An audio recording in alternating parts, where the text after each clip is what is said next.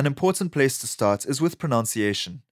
This will be learnt and relearnt as your experience with the language grows. It's important to make an effort from the start, as we all know how much an accent can affect ability to communicate, and early habits tend to stick. The first thing to know is that Xhosa is a phonetic language. This means that the letters correspond to the sounds consistently, so it's an easy language to read and write.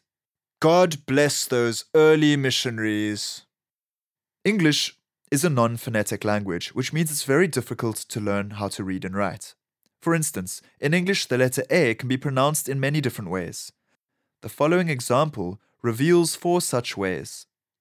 In the word ape, the letter A is pronounced A. In the word arm, the letter A is pronounced A. In the word apple, it's pronounced A. And in the word air, it's pronounced E.